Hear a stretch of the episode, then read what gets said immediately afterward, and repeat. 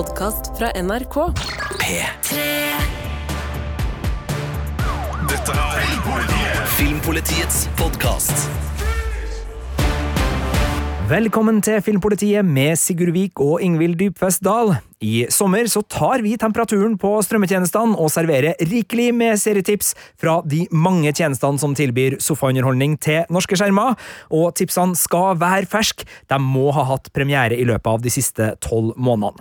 Du finner selvsagt alle episodene i appen NRK Radio, og i dag så er turen kommet til strømmetjenesten Sky Showtime. Og Ingvild, hvordan har Sky Showtime-året ditt vært? Veldig spennende, for det Sky Showtime gikk gjennom en hamskifte, kan vi kalle det, i fjor høst. Det var jo egentlig Paramount pluss. Det stemmer. Da vi hadde den samme type runde i fjor sommer, hvor vi ga ferske tips fra de ulike strømmetjenestene, så het episoden med da Sky Showtime Paramount Pluss. Det var vel i september, tror jeg, noe sånt, at de gikk over og skifta navn til Sky Showtime.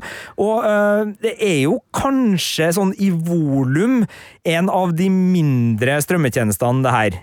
Ja, jeg har pleid å ha denne tjenesten, samme hva vi kaller den, sånn i perioder. Når det har vært serier eller sesonger jeg må se. Men det siste året har jeg faktisk hatt det hele veien, og det har jeg jo vært strødd utover ulike ting. American Gigolo, altså serievariant av film med Punisher og We Own The City, John Berntal.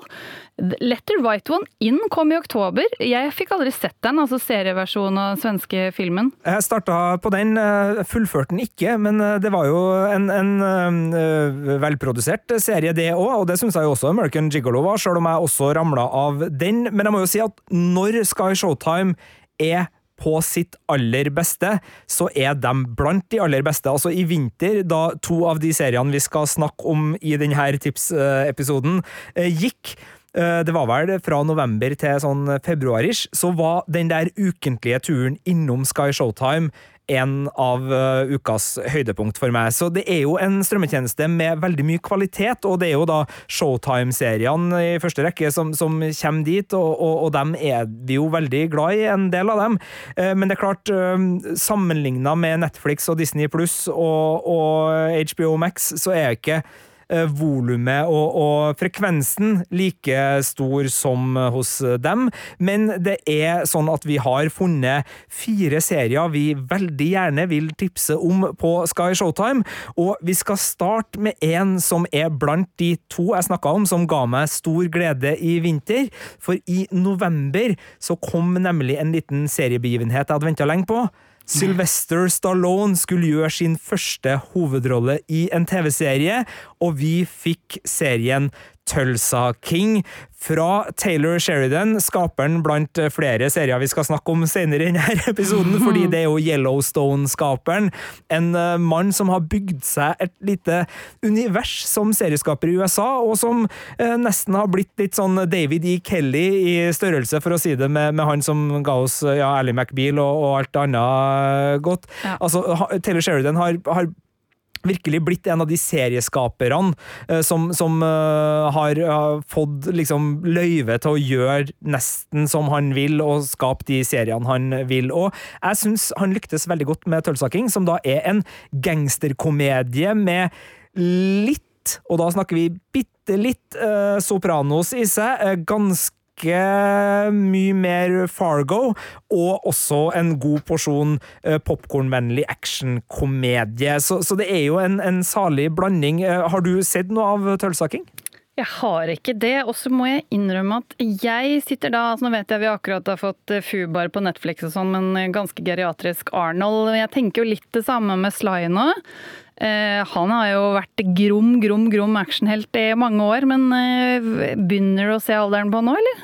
Ja, altså, det er jo ikke noe tvil om at uh, det her er to eldrende actionhelter vi snakker om da, med Arnold Schwarzenegger, som nå har blitt actionsjef i Netflix. Og jeg ga jo terningkast to til Fubar, den syns jeg ikke var vellykka i hele tatt. Men jeg syns Sylvester Stallone fungerer bedre her, for den er jo ikke en eh, rett fram actionhelt. Han er jo her en eh, løslatt uh, mafiakaptein som har sittet lenge i fengsel, og som kommer ut uh, i uh, et nytt New York han ikke helt kjenner igjen. Ting har skjedd der, og så blir han sendt litt sånn mot sin vilje, og, og, litt sånn 'vi vil bare ha deg bort', ja. til Tulsa, Oklahoma, hvor han da skal drive starte ny business for New York-mafiaen og, og, få inn penger der. Og her blir det jo en litt sånn kulturkrasjkomedie, fordi denne Eh, ringbærende, dresskledde mafiagutten fra New York eh, kommer da til en plass som ikke nødvendigvis er vant med den type kriminalitet, men selvfølgelig har sin egen kriminelle fauna.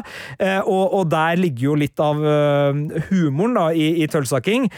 Samtidig så er jo det her laga av Taylor Sheridan og showrunner Terence Winter. Han har jo jobba på Sopranos og Boardwalk Empire, mm. og, og det gjør jo at serien også har noen velkjente oppskrifter fra mafiafilm og de elementene i seg. Så det er eh, kvalitetsdrama med glimt i øyet, det her. Eh, og jeg ga jo en terningkast fire til de to første episodene. Da var jeg litt sånn på gjerdet og syntes det så ut som at de ikke helt visste hva de skulle. Altså Skulle det være en type Fargo, sorthumoristisk eh, mafiakomedie hvor Sylvester Stallone skal uh, vandre rundt i, i Tølsa og områdene rundt og, og få venner og fiender der? Her, eller skal det være en litt mer sånn seriøs, ordentlig mafiaserie? For det er noen sårhet her. altså Han har en datter han ikke har sett på lenge, det er noen familiebånd, det er noen hemmeligheter fra fortida, det er en grunn til at han tok på seg skylda for et drap som gjorde at han har sittet inn i denne perioden, og de bitene minte kanskje mer om noe man ville ha sett i, seriøse serier. Men det som var en, en fin ting utover etter hvert som de ti episodene gikk, var at serien klarte å knyte sammen begge og gjøre det til en styrke. Altså, det er mye uh, løssluppen humor her. Uh, det er litt sånn elementer fra ja, Sons of Anarchy-type serier, hvor uh, kriminelle miljø og lovens miljø lever i en symbiose som gjør at de omgås og, og kanskje har mye med hverandre å gjøre, samtidig som det er tydelig at eh, de, de, de, er mektige på hver sin måte å, å trekke rollefigurer i, i, hver sin retning. Det er blant annet et kjærlighetsforhold i midten her som, som eh, spiller litt på det. Eh, men så har du da sånne snedige rollefigurer i birollegalleriet, altså blant annet en uh, kar som, som driver medisinsk marihuanabutikk, Bodie, spilt av Martin Starr, kjent fra blant annet Silicon Valley, som er en ren komiker i denne settingen. Det er også en del andre uh, kriminelle som er av den litt mer eh, lettbeinte sorten, som gjør at Sylvester Stallone får lov til å være den komikeren han kan være. Altså Hvis man tenker på filmer som Demolition Man, uh, hvor han fikk lov til å spille ut mer sitt humørfylte register, så, så, får han den muligheten her. Men han får også lov til å banke opp folk da på humørfylt vis, og være litt alvorlig innimellom. Så jeg syns Tulsa King klarte å bli en, en godbit, rett og slett. Altså ikke en fantastisk serie nybrottsarbeid, men den klarte å kombinere styrkene den hadde å spille på, og, og bli mm. en, en, sånn uh, slow burner. Funker det å si? Uh, altså en, ja. en sånn uh, en som vokser seg bedre og bedre etter hvert som man ble. En ulmeglede? Ja, man ble glad i rollegalleriet, og det redda serien fra å bli en klisjé til å bli noe som er godt TV-selskap. da. Så jeg syns Tulsa King er uh, verdt å se, både for dem som har et godt forhold til Sylvester Stallone fra mange filmer han har gjort opp igjennom, enten det er Judge Dredd, Cliffhanger, Demolition Man, Rocky, Rambo, hva som helst. Altså, han har jo gjort mye og, og vist et visst register, uh, og, og, han får også vist det registeret her. Men jeg syns også det funker hvis du liker uh, ja, Fargo, Sons of Anarchy, altså litt sånn velproduserte krimserier med enten uh, rollefigurer du blir glad i, eller et glimt i øyet som du, du liker. Så Tulsa King, en helt sånn uh, fin, lettbeint TV-glede på, på, Sky Showtime. Og vi skal jo uh, holde oss uh, til en uh, sånn sjangerblanding når vi beveger oss til den første tipsserien du har plukka ut fra samme strømmetjeneste. Ja, jeg har valgt meg ut noe som blander drama, krim og mysterium. Eller skrekk og mysterium, ikke krim, egentlig. Eller når jeg tenker meg om, er det faktisk et lite element av krim inni der. Ja, jeg syns det er veldig mange sjangere inni i den serien du skal snakke om nå. La oss bare si det er en slags eh, møljesjanger. Ja, men jeg har valgt meg Yellow Jacket, som jo er den eh, eneste, kan jeg røpe, av de vi anbefaler som ikke har Taylor Sheridan som skaper. Ja. Eh, det, det, det, blir en Taylor Sheridan-podkast, det her. Eh, det må vi bare innrømme. Men, men, ikke den her, altså. Nei, her er det Ashley Lyle og Bart Nickerson, som er en duo som også hadde fingrene med i Narcos. Og dette er jo en eh, spennende serie, da. Bare ingrediensene er jo også Det er et kvinnefotballag som i 1996 havner i et flykrasj på vei til et mesterskap, og må klare seg aleine i villmarken en god stund. Den hopper fram og tilbake i tid. Vi er liksom i nåtid som er 25 år etterpå, og så hopper vi tilbake og prøver å finne ut av hva som egentlig skjedde. Og det er jo noen elementer her som man ser allerede i traileren. Det hintes til kannibalisme og ofring og noe veldig mystiske ting som skjer ute i ødemarka. Ja, og, og Yellow Jackets har jo liksom Den har både eh, sånne nostalgiske kvaliteter med veldig mye 90-tallsmusikk og, yes. og eh, et, et, stykke americana som man kan kjenne igjen der. Men det er jo som du sier, altså, den, den har flere strenger å spille på, og den veksler jo ganske uanstrengt. Nå, nå har ikke jeg sett sesong to, som er den ferskeste, men jeg, jeg så sesong én, og jeg syns jo den, den bruker liksom uh, Litt sånn som også Tølsaking fikk det etter hvert. altså Den bruker det at den har flere sjangre å, å leke med, på en, en styrke lokkende måte med at den liksom hele tida har noe nytt og spennende å vise oss. Ja, jeg syns den er god på det, og den hopper også veldig bra og sømløst i tid, eller ikke på den måten at du skjønner veldig godt hvilken tid du alltid befinner deg i, og den bygger spenning i begge tidssonene, så det liker jeg veldig godt. Og så har den store navn som Melanie Linsky, Christina Ritchie, Juliette Lewis, eh, som de voksne, da, eh, og en hel haug med veldig flinke unge skuespillere som spiller disse jentene som blir lost in the wood. Og du sa jo Lost der, og det er jo en serie jeg tenkte litt på, for det er jo også muligens noe overnaturlig, eller det er noe mystisk i det her serieuniverset. Noe som gjør at ja. man tenker flystyrt, og noe mystisk, muligens overnaturlig. Altså, eh, og, og, jeg likte jo Lost, samtidig som jeg ble jo veldig lei Lost uh, utover. Og uh, jeg aner jo ikke hvor lenge de har tenkt å kjøre Yellow Jackets, og som sagt, jeg har ikke fått begynt på sesong to ennå, uh, men det er, bare, det er bare fordi jeg ikke har hatt tid, så, så jeg gleder meg til å gjøre det. Men, men merker du noen ting som liksom gjør gjør at uh, du er litt urolig for, for omfanget der kan ta, eller hvor, mm. hvor, det er på vei, eller er det Nei, jeg er ikke bekymra for omfanget. Det er jo som du sier, du befinner deg et eller annet sted i Fluenes herre, Alive og Lost-landskapet, og skal manøvrere deg rundt der.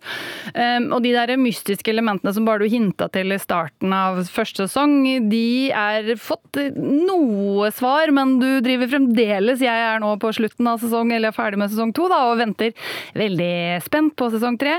Jeg syns den tapte seg litt mot slutten av sesong to, eh, men ikke så mye at altså det, er sånn at det er fordi det tippa litt mye over i ren parodi, syns jeg. Spesielt når det kommer inn en birolle spilt av Elijah Wood, faktisk, som, eh, som, som bidrar veldig til en sånn komisk vridning som jeg syns Har de styrta på Mount Doom? Eh, viser det seg at det er der flyet har styrta? ja, det er en nei. ring, da, som man må Nei da.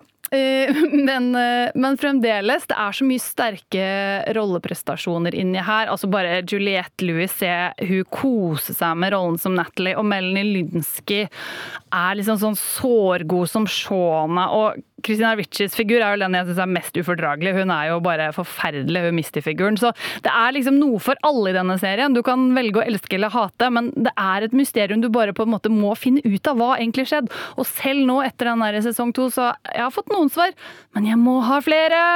Åh, øh, jeg, jeg, liker sånne serier som øh, liksom øh, klarer å, å sånn for hver enkelt episode funker, og så blir man også hekta på det større mysteriet. Og, og det jeg kosa meg med i sesong én, var jo også liksom musikken. altså Det var Smashing Pumpkins med Today, og det var så mye gode high school-scener i tilbakeblikkene, og det var så mye sånne gleder som gjorde at man nesten glemte at det var et overhengende stort sånn Hva skjedde egentlig på det? Altså, så, så, jeg syns jo når en serie klarer å være så god i detaljene og i scenene at man koser seg der og da, og, og nesten får Uh, nok serieglede bare der, og i tillegg da klarer å flette sammen, så, så, så, er jo det veldig lovende for en serie som absolutt da ikke er ferdig, skjønner jeg, med, med sin andre sesong, men som uh, allerede da har uh, lovt deg mer, noe du ser fram mot. Og er det noe, noen referanser til altså Nå har du jo nevnt Fluenes herre live, vi har nevnt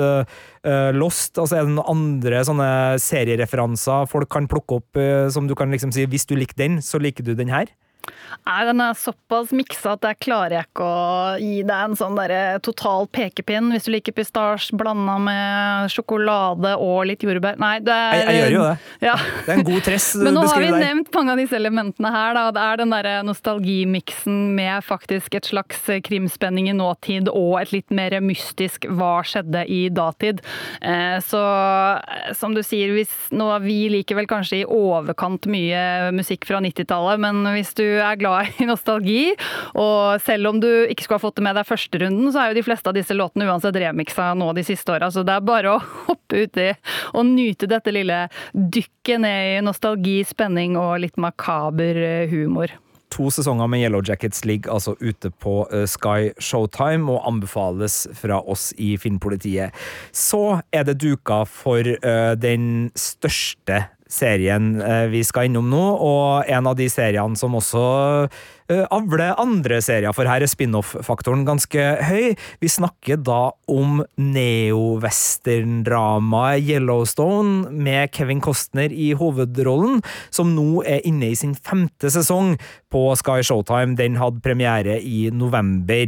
Og uh, det her er jo en serie som um, jeg har veldig sansen for, sjøl om de siste sesongene har vært litt mer såpete enn de tre første, som jeg syns var de beste. Og Den handler da om en rancheier som heter John Dutton, spilt av Kevin Costner, og hans familie, som har øhm, slått seg ned i Montana og bygd en gigantisk ranch som heter da Yellowstone. Og øhm, den har blitt så stor at kampen for å beholde den, og kampen for å bare liksom være størst i dalen, er det de må tilbringe sine dager med å, å kjempe for. Og den kampen foregår jo på veldig mange fronter. Altså, De er på en måte sitt eget politikorps. fordi Ja, de skal det er jo veldig fascinerende. Ja, de skal fange kvegtyver, og de har liksom autorisasjon til å være øh, ja, politifolk på det, på det området. Det involverer veldig mye politikk, for her er det jo snakk om rettigheter og politisk press, og det er også snakk om at øh, den lokale urbefolkninga ønsker jo selvfølgelig å, å få landområder både tilbake og få stoppa utviklinga som de mener er skadelig for, for naturen og, og, og sine planer. Og det er vel mulig at det også er en kasinoplan inn øh, i, i spill her som gjør at reguleringsplaner plutselig også blir et øh, spenningsspill i seg sjøl. Og så er det jo øh, familiedrama de luxe. Her ligger jo såpefaktoren i serien ganske smurt tjukt på. Hvem er glad i hvem, hvem er i familie med hvem, hvilke overraskelser kan ligge på lur bak ulike svinger, og i det hele tatt hvilke av barna er Ja, vi skal ikke si at det ligner på Succession, for det ligner jo ikke på Succession, men det er et snev. Før Succession. Ja, det gjorde det, og det er et snev av Succession også i det John Dutton skal eh, forvalte neste generasjons eh, eiere og hvilke krav han stiller. Og han har jo veldig ulike barn. Han har en soldat som er en tidligere eks... Nei, en sønn som er en tidligere ekssoldat, som har kommet tilbake fra krigen. Han Som har en også er soldat for ham. på, på mange måter. Han har en meget eh, kløktig datter som eh, kan eh, få til det meste hun bestemmer seg for. Han har en sønn som er advokat, som også er en viss spiller i, i det her landskapet. Og så har han en sønn som er den som virker å være mer på en måte eh, gårdsarvingen. Men det er klart, her skjer det jo ting, og vi skal ikke gå inn på noe handling i Yellowstone utover det vi nå har skissa opp, men det er jo en, en amerikansk moderne familiesaga som er kobla på USA og, og måten det amerikanske samfunnet er bygd opp på, også på en måte som da i spin-off-serier, som vi snart skal snakke om, strekker seg tilbake i tid, og hvordan her, denne nasjonen ble den nasjonen den ble, eh, men også hvordan USA står i dag, og hvordan USA på, også på en måte har låst seg sjøl i en del sånne kamper som er storkapitalens vesen, og som er problematisk på så mange vis. Og der syns jeg serien er, selv om den er ganske sånn eh, konservativ og veldig glad i USA, så klarer den også å vise fram problemer med det moderne USA jeg syns er interessant å, å følge med på. Jeg må jo si at eh, Yellowstone er jo en av de seriene som er grunnen til at jeg kjøpte meg Paramount pluss-abonnement i første omgang. Og da, i starten hadde da nytt hver gang det kom en ny sesong. Men i motsetning til deg, da, så Eller ikke, jeg sier nå skal ikke jeg legge ord i munnen på deg, men jeg liker jo eh, dette såpepreget som det har, og at det har tatt eh, også får ta større plass. For den derre familieintrigene der, du nevnte jo Succession, det er noe sånn deilig sånn psycho eh, ved disse søsknene her også. Eh, og de, vi skal ikke røpe detaljer, men det er bare å følge med, fordi det er liksom dynastiet møter western, møter alt. Det er virkelig absurde, søte og forferdelige elementer. Ja, og, og det er altså så mye for forskjellige folk å glede seg i her. Det er jo en grunn til at serien her har avla veldig ulike spin-off-serier. Fordi det er en neon-western-drama med veldig mange attraksjoner for et bredt TV-publikum. Altså Den ene spin-off-serien som skal vel komme, er Rodeo-serien. 6666, som Oi. er da fra en rodeo-ranch som dukker opp i Yellowstone-universet, fordi en av de som jobber på gården, havner borti der. Ja. Men det er jo en, en egen del av liksom, USAs uh, popkulturelle liv, som, som, da kommer til å få sin egen uh, TV-bit. Som dem som likte Yellowstone fordi det er så mye cowboyer som rir, og mye innridning av hester, og mye fantastisk idrettsglede rundt hestesport. De vil jo sikkert sette stor pris på den. Så har du også da de to western-spin-off-seriene som vi skal snakke snakke mer om, spesielt den ene, som er rene westernserier, som tar oss tilbake i tid, og som er full av de rolige, gode rytmene som man kan like hvis man er glad i westernsjangeren, i tillegg til mye mer, selvfølgelig. Og så har du da den her krimserien midt inni der, som jeg sammenligner litt med ja, en Sons of Anarchy eller en annen type sånn her. Uh, og, og, der har jo også Taylor Sheridan noen, noen forbindelser. altså det er mer en sånn moderne krimsaga, eh, hvor man tar tak i et kriminelt miljø eh, som ikke er så ille at man ikke har lyst til å se på dem, men som er såpass nyansert og interessant at man har lyst til å se på dem både fordi de er i kamp med andre rundt loven, men også fordi de indre mekanismene og måten det er bygd opp på, har gleda i seg sjøl. Så det er utrolig mye å sette tennene i hvis du begynner å se Yellowstone. Eh, jeg brukte to forsøk på å komme i gang. Eh, første gangen jeg starta på Yellowstone, så holdt jeg ut i to episoder, og så tenkte jeg ja, jeg vet nå ikke helt, det. Og så begynte jeg på igjen, og så ble jeg hekta. Ja. Helt hekta. Og jeg har virkelig hatt stor glede av å binche Yellowstone, for jeg har ligget litt bakpå.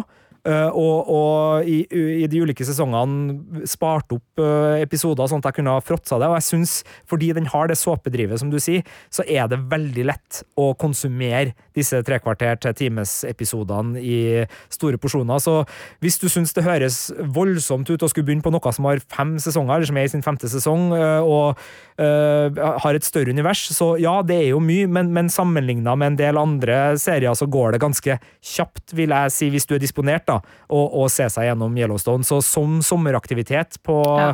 kveldstid, jeg, jeg, tror det her er et ganske bra tips, eh, tror du ikke, Ingvild? Jo, jeg hadde slukt det, jeg.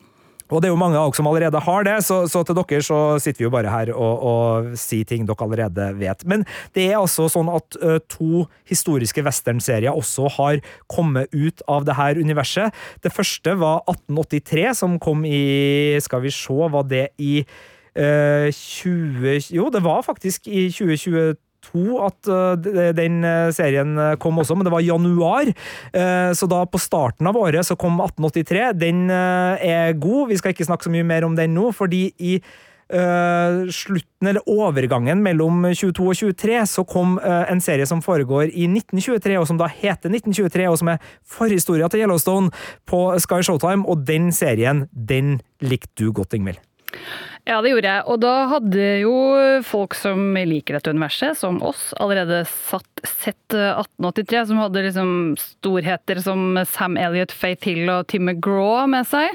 Og min ene høne å plukke der var vel den her voiceoveren til Isabel May eh, som Elsa Dutton den vet jeg vi har snakka om før. Ja, vi har det. Altså, den forteller jo om hvordan uh, Dutton-familien starta sin reise mot Montana og det her området som da er deres hjemplass, den her gigantiske ranchen i Yellowstone. Så det var jo en reisevestern hvor de reiser gjennom et amerikansk landskap med mange farer, fra klapperslanger ved vannhullet til uh, banditter innad i reisefølget, til ja, uh, amerikansk urbefolkning som ikke satte veldig stor pris på besøket som det kan sies å være var en helt riktig respons, egentlig, for det var ikke bare positive ting på noe som helst vis som, som kom med denne følgen. Men det var reisebiten i 1883, ja. med denne voiceoveren som vi snakka om, som var veldig poetisk. Kanskje ja. i overkant amerikansk glad uh, poetisk. Men den, uh, den rollefiguren var ikke med i 1923, hvor vi da Nei. hopper litt fram i tid og befinner oss i en eh, mellomkrigstid, hvor første verdenskrig er over, eh, og ting har skjedd. Ja. Eh, Nå har vi jo, som da tittelen antyder, havna i 1923. Eh, Og det som er, eh, så nå er de på denne ranchen. De har bygga i hvert fall en variant av den. eh, Og det handler jo selvfølgelig fortsatt om landegrenser. Den tematikken starta jo i den første. liksom Hvor skal man slå seg ned, og hvem har egentlig rett på landet? Og fortsetter her. Eh, Men oppi det her så er godbiten eh, er at Harrison Ford er med som Jacob Dutton. Helen Mirren er med som kona hans Cara. Og de har også en eventyrer av en nevø, Spencer Dutton, spilt av Brandon Scanler, og som rømmer fra realitetene hjemme, og ikke minst traumene han har da fått fra første verdenskrig, så det dras inn her. Og han reiser da rundt som jeger i Afrika. Eh, Hjemme på gården så er det som sagt store krangler allerede. Her ser vi jo starten på det du snakka om i Yellowstone med dette egne politiet. Altså at de har en eller annen slags myndighet til å drive og styre selv. Eh, Og nå er de i en heftig krangel med sauegjeterne, eller ikke gjeterne, men sauebøndene. Og hvem har rett på hva? Der er vi allerede der. Og i tillegg så er det selvfølgelig utviklinga vi er i i tiden. Eh, skal de legge inn elektrisitet? Skal de skaffe seg bil? Så du får jo en slags sånn, eh, ikke en slags, men en kostymedrama eh, oppi hele dette. Med på kjøpet, vil jeg si, da. Eh, og så er det liksom noe med å se disse staute skuespillerne. Og i tillegg eh, Timothy Dalton som en slem riking. Donald Whitfield som truer med å ta over hele Dutton Ranchen. Ja, En tidligere James Bond som eh, skurk får man også, i tillegg til Harrison Ford og Helen Mirren. Og bare der var jo jeg i gang med wow, det her blir artig! Og, og det ble det jo. Ja, absolutt. Eh, Og her, det, en av de tingene jeg likte best med 1923, var ikke bare at du fikk en ekstra bit av dette universet, men at den hadde denne eventyriske, drømmende kvaliteten med han Spencer Dutton som reiser rundt i Afrika og skyter liksom, geoparder og farlige dyr, forelsker seg, mister diamanter, jakter på gudene vet det er skipsforlis, og det er så mye ting som skjer. Det er en sånn skikkelig god, gammel sånn Simbad sjøfareren-historie midt oppi oppi ranchen i Montana, der hvor dramatikken også turer videre og er trua av eh, moderne utvikling, og også da rike interesser.